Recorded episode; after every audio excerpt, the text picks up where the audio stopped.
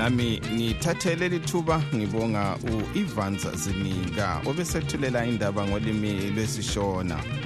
Lingalivuka njani izulu kandaba ulamukela emsakazweni westudio 7 ngolwesithathu mhla ziku-17 zibandlela 2024 nguchris gande. Endabeni zethu lamhlanje ibandla le-ccc lilandula imbiko ethi seliguqule ibizo lathiwa sokuyi-democratic alternative for zimbabwe.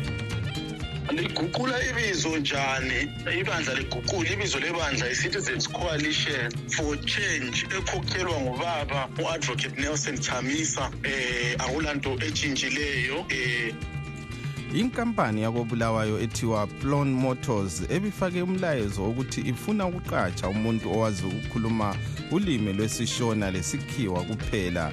Selixolisile ngomlayezo kodwa abesindebele bazonde baganunwabo inyanga kayikapheli sokulezehlakalo ezikwana ezintathu. Kulokhu kusenziwa ukugango okunje kukhulunywa ngendlela yokufuna ukuchopha njalo le ndlela yokuthi kulwiswane. Asonto enhle kakhulu leyo idale lephalamende selisungule uhlelo lokukhetha amalunga ezimbabwe independent complaints commission okuyikhomishini ekhangelane lokwamukela izikhalazo zabantu abayabe behlukuluzwe ngabezomvikela abagoqela amapholisa lamasotsha. I-independent commission leyi abantu abazayiselekta ngama-parliamentarians avela ebandleni. And kuyabe kusazakala ukuthi kufunakala umuntu ozwisisa ukuthi ibandla elibusayo lifunani. Zonke lezi ndaba lezinye lizozizwa khonapha emsakazweni westudio 7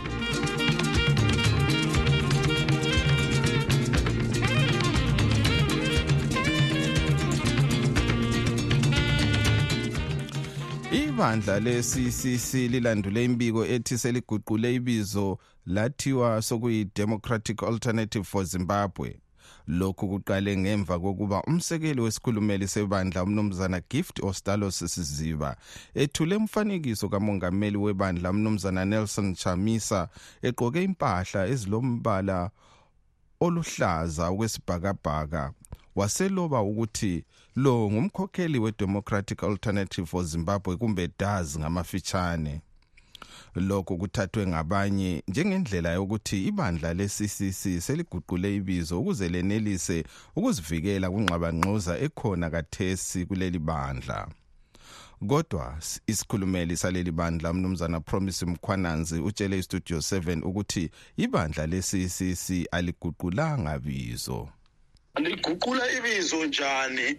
Ibandla liguqula ibizo lebandla i-citizens coalition for change ekhokhelwa ngubaba u-advocate nelson chamisa eh akulanto etshintshileyo eh yiyo esingathi ngesikhiwa yi-zimbabwe's democratic alternative. Nxa sithi zimbabwe's democratic alternative sitsho ukuthi yilo ibandla elimelele ukungena lencedise ilizwe ngoba leli le-zanup f selehlile ngezinye indlela uthi wena ukuthi alternative i-democratic alternative akutsho ukuthi libizo ngamabala nje akhulumayo ukuthi hayi thina singenye singathi indlela yokuguqula izombusazwe. Kuliqiniso thina yithi esingathi angazi singachasa into ngesindebele kodwa ukuthi i-alternative siyithi option ekhona um ngaphandle kwe-zanup f siyehlulekile. The only choice abantu abalayo the democratic choice abalayo i-citizens coalition for change ekhokhelwa ngobaba u-advocate nelson chamisa ye besibona lapha ebulenjini ku-x abantu bethu bona licebo elihle ngoba kungavimba abantu ababe befuna ukuthi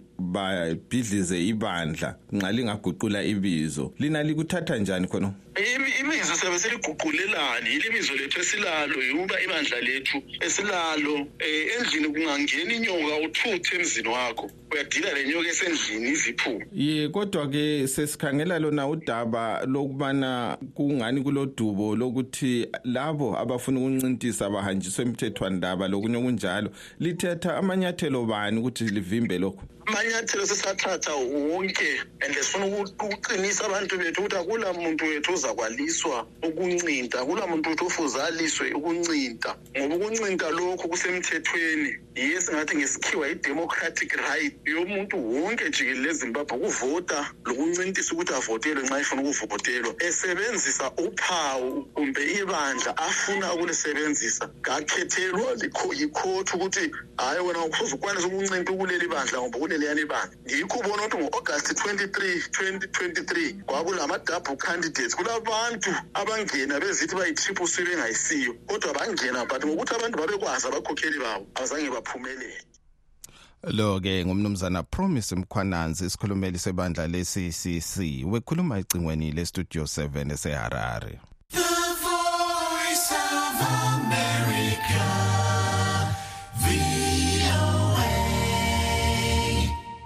Inkampani yakobulawayo ethiwa Plon Motors ebifake umlayezo wokuthi ifuna ukuqatsha umuntu owazi ukukhuluma isishona lesikhiwa kuphela isixolisile ngalomlayezo kodwa abesindebele bazonde baganunwabo linkampani befake lumlayezo enkundleni zokuxhumana isithi ifuna umchayeli owazi indimi ezimbili isilungu lesishona njalo kumele abe ngowakobulawayo. Kodwa izolo linkampani yethule umbiko ixolisa isithi ibingenzanga ngabomu njalo ibingajonganga kweyisa abantu besindebeleni.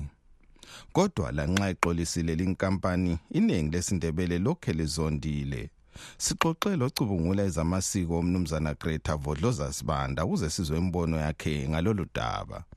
Mina nxa ngikubhekile lokhu ngikubona kuyindlela yokuchopha abantu kuyindlela yokuganga kuyindlela eyenziwa ngabomo ukuze abantu bakithi kumbe ngithi abantu bemathempeleleni bahlale bezondile. Nxa uzondile awukwazi ukwenza ngisho iloba yini eqondileyo. Lokhu kwenziwa ngabomo. Alibana abantu bakithi singakunanzelela konke khonokho. Kodwa eqinisweni ngokuthi vele eh abantu bemathempeleleni bemathebheland kabenziwa abantu. Eh abantu bemathebheland benziwa nje izinto ezinganakaniyo njalo abantu okungamelanga ukuthi ngabe bafinyelela duze lomnotho. Ngoba nxa kuzodingwa lowo muntu okhuluma isishona lesikhiwa kodwa engwakobulawayo kuhamba njani kungenzakala njani khonokho? Hantshi uyakubona ukuthi kuyikuganga konke lokho okufuna ukwenziwa.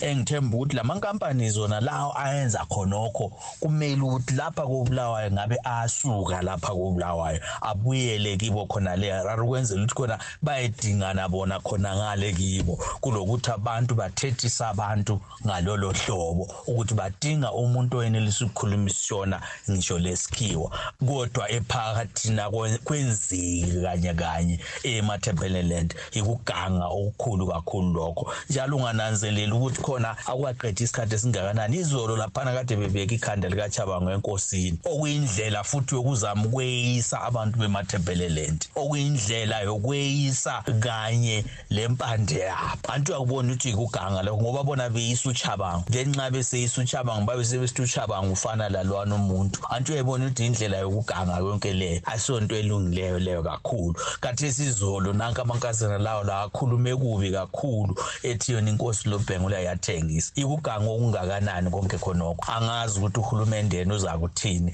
angazi ukuthi laleyo kampani ibhodi yakhona izokuthini imanagement yakhona izokuthini ngoba lapha kusho ukuthi sokusobala ukuthi khona hayi abantu kabasawelelani abantu kabasakhangelani kuhle. Sokusobala nje ukuthi khona hayi njengabantu bemathepheland kukhona ukweyiswa okuthile kukhona ukuxhotshwa okuthile osokumele ukuthi khona hayi abantu bemathepheland ne-leadership yonke semathepheland kumele ukuthi ime. Kungelani lokuthi kuzana u-pf ku-cc kumbe ku-mrp kumele ukuthi leadership yonke emathepheland ime ingavumi ukuthi abantu bakithi beyiswe ngalindlela. Ngoba nxa sikhangele yonke leadership emathepheland yonke leadership kungelani lokuthini? Lalaba abaseduze ngisho lo president kumele ukuthi bakukhulume khonokho ukuthi no president into leyo eyenzakalayo hayi kasayiyo nto e-right leyo. Manje ngokubona kwakho kuyini okungakusenzakala lapha sesibona izehlakalo zonezi ezingani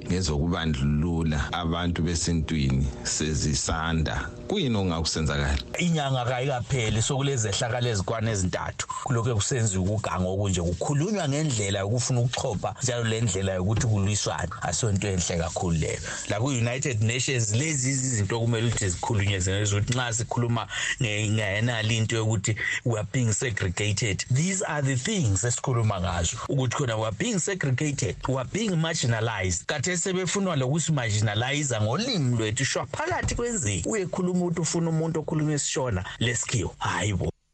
Lo-ke ngumnumzana greta vodloza sibanda ucubungula ezamasiko. Ubekhuluma ecingweni lestudio 7 ekobulawayo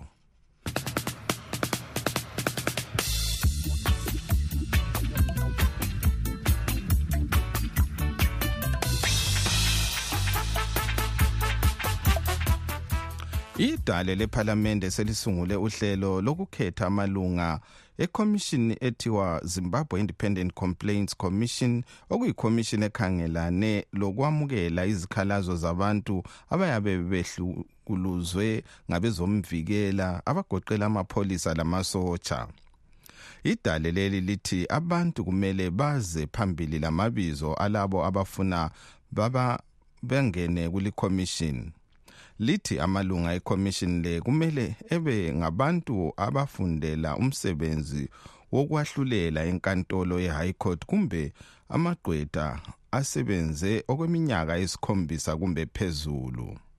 Ingcwethi kwezempilakahle ezisebenze iminyaka efanayo kumbe umuntu oke wasebenza kwezomvikela labo yibo abangafakwa emsebenzini lowo untungameli inkomo westudio 7 uxoxe lesiphathamandla senhlanganiso elwela amalungelo oluntu eye ibheju likazulu umnumzana mbuso fuzwayo. Elizweni leli akulabantu okuthiwa ngabagcini bomthetho. Eh, elizweni silabantu abasebenza lapho kufuze kube lugatsha lukahulumende bebe ngabagcina umthetho kodwa kakhulu kakhulu basebenzela ibandla. Eh, i-independent commission leyi abantu abazayiselekta ngama-parliamentarians avela ebandleni. And kuyabe kusazakala ukuthi kufunakala umuntu ozwisisa ukuthi ibandla elibusayo lifunani. Um umuntu ibandla phela elibusayo yile lephula umthetho lisebenzisa zona ezingatsha zamapholisa lani lani whenever be-under i-political threat. So they akusoze kube lenye indlela okungathiwa sokufakwe eyinye ikomishini kumbeni uzibane ongabakhangela. As long as besenza okufunwa libandla akulanto ezatshintsha. Um ngiyakhumbula kulo mnyaka um onguspika wephalamenti ujacob mdenda um ibandla lakhe lake lamenza waresayina eserezayinile kwathiwa usengu-chairperson. We-human rights commission kwakuyisikhathi sohulumende wombambaniso bathe sebethethe amandla ngokupheleleyo sebebusa bebodwa bamsusa laphana bayambisela waya kupolitburo eqeda kupolitburo bamenza waba nguspika of parliament. So kimi abantu bonke abazafakwa kukhomishini leyi akukho kuningi engikukhangeleleyo ngaphandle kokuthi um bayaba yi-extension yokuyafuqa imfuno zebandla labo eliyabe libadeployile. And there is no way abangakhuluma against it. Silayo kathesa okuthiwa ngama-independent commission um silayo i-human rights commission silayo kodwa kuyi-nprc commission. Um lo phethe amandla oyophethe ilizwe uyithathela amandla santando. So labo abazabe besezihlalweni bengenza abangakufuniyo bayabakhipha mbeni bayenza okunye okuzamangalisa. So mina sengalahlekelwa lithemba lokuthi singaba lekhomishini e-independent as long as silalabo ababusayo ngabantu abanjani fuzwayo okumele bakhethwe bangene kulikhomishini alubana besililizwe elilobuntu um okuphiliweyo emakhanda kusakhiwa isizwe. Bekufuze kube ngabantu aba-independent from political parties. Kodwa ngeke ukuthole lokho sizaba labantu abalandela okufunwa libandla eliphethe amandla. So yikho mina engikukhangeleyo ngoba ungakhangela um kathesi kubo-nprc kubo-human rights commission um kubo-zek dinga bonke abantu awada kuma-independent commission zona lawo. Ihistory yayo yabo kumbeni after that ukuthi bagcine sebeyini. Sibabonile abaningi kodwa bekuzeki babe ngama-parliamentary candidates ezanu kumbeni baparticipate kuma-primary elections ezayo lo ke ngomnumzana Mbuso Fuzwayo isiphathamandla senhlanganiso elwela ilungelo loluntu eye ibheju likaZulu. Ubexoxa lo ntungameli inkomo we studio 7 ekobulawayo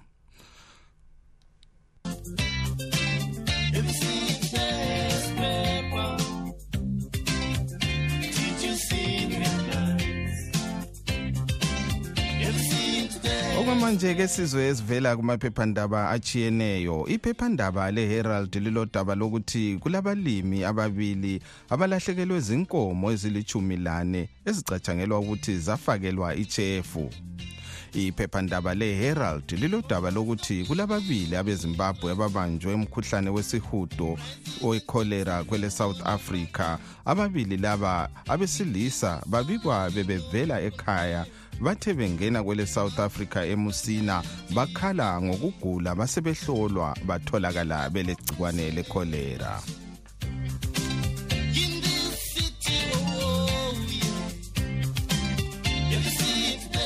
okwamanje sengidedela emuva ngilichiya izandleni zenu linabalaleli bethu kumbiko elisithumele nge-whatsapp.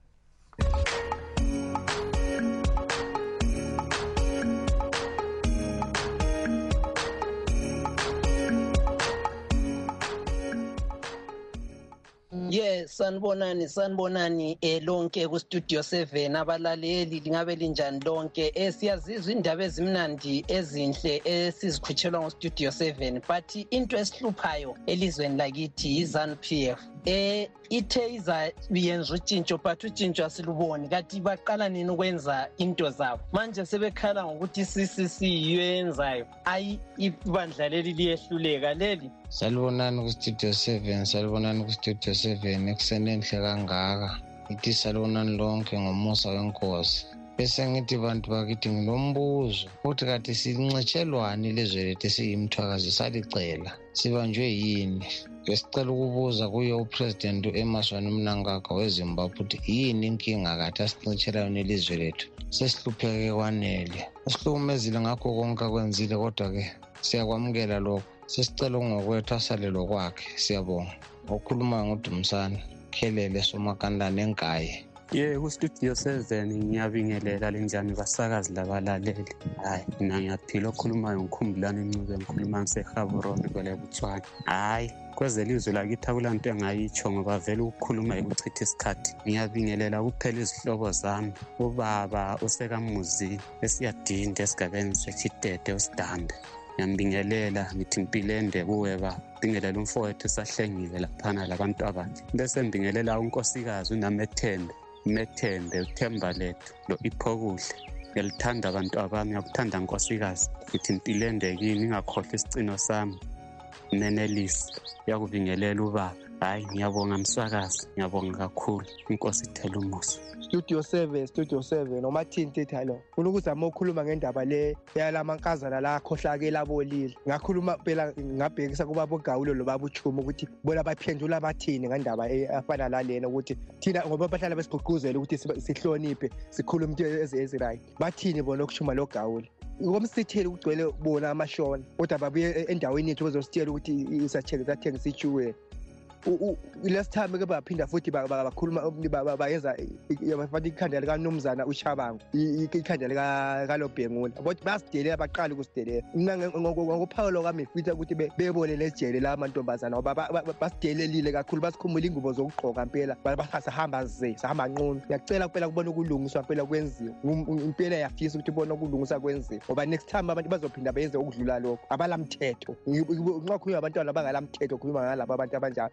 Sasibuyisele emuva indaba yokucwasana bese ngalayo leyo ngqondo le kodwa basihlokoza mpela ngomunwe. Umathintitha lo khuluma isizulu sasemandebeleni salubonani ngithanda ukwazisa ubingelela imuli yami iyakungwinya iyakunyoni ye ukuhlanganisela usasithovile ubhonyoni ugogo nasithwala unathimba ndlovu. Usemagqembelela ncube bonke abenza um uhlelo lukaqogelela kuward 19 lapha edaluka lubhani ingakhohlwa usa angel yena engumandla enkosi nyoni uvictor emabala emapostolini ungwenya egohole usmanda malaba strip road um usirik ngiyabonga kakhulu. Elithandathandini ngilapha emapostolini imomoveni kwenya edwaluka lapha. Awe. Studio seven ngibingelele kubasakazi bethu. Ngibuye ngibingelele lakubalaleli ngingumama nami ngizehlisa ngizithoba. Ngilesikhalazo lapha ngesikolo sethu sempanedziba secondary. Sisendaweni yasecholotsho induna yethu ingutategulu ubaba umsigane ischool fees esisibhadaliswayo kulesana sikolo singaphezu kwamandla ethu so angazi ukuthi singathola sizo bani singabazali ukuthi singathola sizo bani ukuthi mhlawumbe kube khona mhlawumbe abazomthetho abakhangela ngezemfundo ukuthi besondele kuleso sikolo. Isikolo i-school fees besisibhadala 800 kunyaka odlule.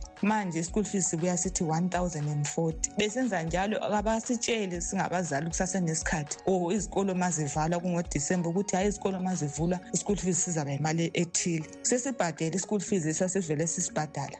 Sebexotsha abantwana bathi kufuneka enye imali. So bengicela ukuthi lisisize khonapho studio seven. Or ma kuyikuthi kukhona indlela mhlawumbe eyinye okufanele ngithole khona usizo linganginceda ngikwazi ukuthi lingilayele ngiye lapho ngingathola khona usizo ngoba sesithwele nzima sesithwele nzima ngemali esizifuna esikole singazazi ukuthi yimali zani. Ngiyabonga. Studio 7 studio 7 ngifuna ukuphawula nami ngaleyo ndoda engumdenda leyo hayi ayihambe iyophendula imibuzo leyo abazombuza yona uright akahambe ayobaphendula angabasabi. Angabasabi akayobaphendula abaphendule futhi impendulo abazosutha ngayo esuthisekayo bazigcine bebone ukuthi hhayi ikhona into abayenzayo engajabulisi sizwe samandebele uright hambe uyobuzwa ndoda uphendule futhi ngaleyo ndlela ophendula ngayo. Hhayi sikumele. Ya ukhuluma nochuma ula ejohannesburg. Studio 7 studio 7 ngibingelele futhi. Um ngicela leli jaha leli uchabangu lo uchabangu lo eke sihloniphe ngathola isikhathi chabangu sicela usihloniphe baba ungathengisi ilizwe ungamile ezanu ngoba kulantoni oyenzayo ukhanya vele uthengwe izanu wena ukuthi udilize i-triple c ezama ukuletha inkululeko ezimbabwe abantu behlupheka kangaka chabangu ungathola isikhathi usihloniphe ubisele imali leyo abakuthenga ngayo chabangu abantu bezanu umnankagwa lo wakuthenga ngaleyo mali umnankagwa wakho lo usehlulekile sesingumnankagwa uyahluleka lo mnankagwa wenu lo lontshontsha amagolide lisiyathengisa phetsheya lizidlela linezeni izisu ukuthi zidlale zibomvu ziqumbile abanye abantwana behlupheka bezimbabwe. Cala lisihloniphe bantu bezanu lonke nje bantu bezanu masotha pholisa loko lama-uniform apangukileyo lingathola isikhathi lisihloniphe mapholisa eloko litshaya abantu litshaya abantu lincindezela kahle kahle lina utshithi lingamaswina linamashona likela likusidelela amashona. Cala lingasideleli mashona lonke bomnankagwa lina sicala lingasideleli lina. Kuzaliphelela akukho kungapheliyo madoda sizophelela bomnankagwa sisezohlupheka sizotsha elizweni likankulunkulu. Unkulunkulu uzolitshisa kabuhlungu kabi uzolitshawa swazo lubi namashono othuvi. Yelo yelo studio 7 okhulumayo nguthemba sibanda. Ngifuna ukuncedisa umdala we-mrp umdenda chilumbo ngithi mdala wena hamba ungabi lovalo lathi sokumele sibambane njengabantu bemathebeleland even sikhone ukubhala incwadi ziyihambise kwele south africa. Kulesibonelo esihle esenza kwele south africa esingakwanisa ukusiyenza lathi. Umnankagwa kasoze ebuse ngenduku yensimbi autocratic. Ukuthi abanye abantu bengakhuluma kubi bayablema yena 2022 uthe abantu bemathebeleland bangela umlandelo uyabaqhuma amakhanda. Wabuza ukuthi abantu abangasekeli i-zanup f baleflegi yabo yini? Okungangokuthi ufuna siyenze into yakhe yena. Ngathi siyakwanisa ukuzimela sodwa vele esesikufuna ukuthi ngathiwa kuyaqunywa esentra sizimele sodwa. Singabantu bemathebeleland sodwa. Studio seven studio seven kunjani balaleli labasakazi bonke bestudio seven. Okokuqala mina ngifuna ukubingelela ngiyabingelela hlobo zami zombili ezikhona indawo yonke. Bese ngisiya ezindawo ezimbabwe ezindaweni yasemkani ezinyangeni lapho kuledadewethu khona unantobeko khwenyethu saphathamana labantwana abathu-clinton eminenhle ngisithi bantu bami ngiyazithanda ngibusela impilo enhle bese sengisuka lapho ngiye esigabeni ngiye endaweni कोणी गेलेलं त्यातून माणूसलाचं पावलं गेलं गेलं पण प्रवासी वाचून victimbong ang cure in Modest Rucho. Kasi tinalitanda noon ang presidente do México. Y su ganamos ni Sky se pararon en Medellín de un momento una matada. La ventura, la ventura de tu abat una tabo y finalmente marca obedecido. Y su ganamos ni de la matusa y de un momento se la mataron. Y mwitu mnajipanga, mnajipanga babipanda miyabonga miyabonganale bayibonye bathule bezotshanele mayingaba miyabonga ifakasi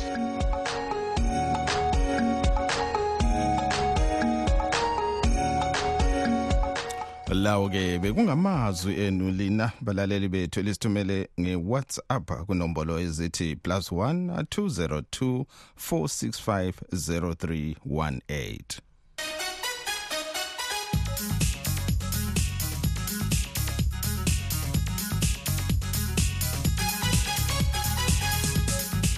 kwezemelika owayengumongameli welemelika umnumzana donald trump unqobe ababili abathi umnumzana ron desantis lonkosikazi nikki haley kukhetho lwakuqala olokudinga ozamela ibandla lama-republicans kukhetho lokudinga umongameli welizwe oluzenziwa ekupheleni kwawo nalo umnyaka. Utrump ulandelwe ngudesantis kwagcina ngohaley ukunqoba kukatrump kuza ngesikhathi esetheswa amacala afika phose ikhulu abhekane lawo emthethwandaba. Ukuhlaziya lolu daba sixoxele olandela izombusazwe yomnumzana tim momoringayi ukuze sizwe imbono yakhe ngalolu daba. Mina mbona ngathi nxa sokusiza umhlaba wonke sokuhlangana ama-states wonke kuzaba lobuzima. Eh ngibona ngathi izinto ezimlandelayo lezi ezinjengokuchaya i-white house eh, ngojanuary 6 2020 laphana ngibona ngathi yizinto ezizamdonsela phansi. Nxa kuyilizwe ngelizwe ye kodwa nxa sokungumhlaba wonke eh ngibona ngathi kuzaba lobuzima ukuthi abuyele laphana anqobe ubiden.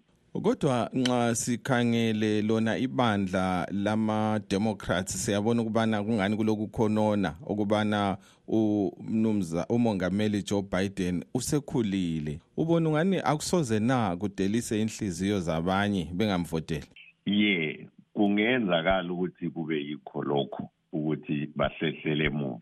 Kodwa ngibona ngathi bazafuqa sokusiya ekucineni kokhetho. Ukuthi kukhanye ukuthi ongaba ngcono ngubani phakathi kwabo bobabili. Eh bonke sebengamaxhegu liqiniso lona leli ukuthi bangamaqhegu bobabili. Kodwa ke ngibona ngathi ama-democrats nxa abakhokheli bakhona bengakhononi bazazama ukufuqa kusiyafika ekugcineni.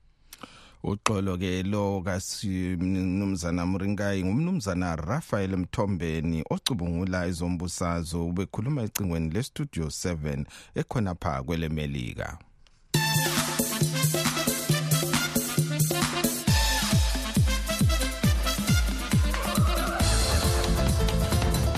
Okumanje ngamafitshane ke sikhangele amaqembu azadlala kusasa kumidlalo yenkezo ye-africa cup of nations.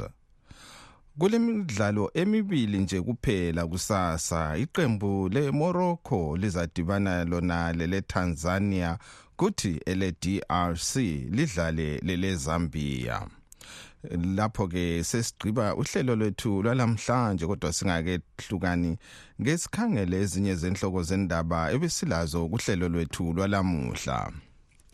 Ibandla le-ccc lilandula imbiko ethi seliguqule ibizo lathiwa sokuyi-democratic alternative for zimbabwe. Abanye besithi das ngamafitshane. Lokhu kulandela umbiko owethulwe ngumsekeli wesikhulumeli umnumzana uh, owethule umbiko lo esithi umongameli webandla nguye umongameli we-democratic alternative for zimbabwe. Kodwa ke bayalandula bathi hatshi ubengatsho njalo.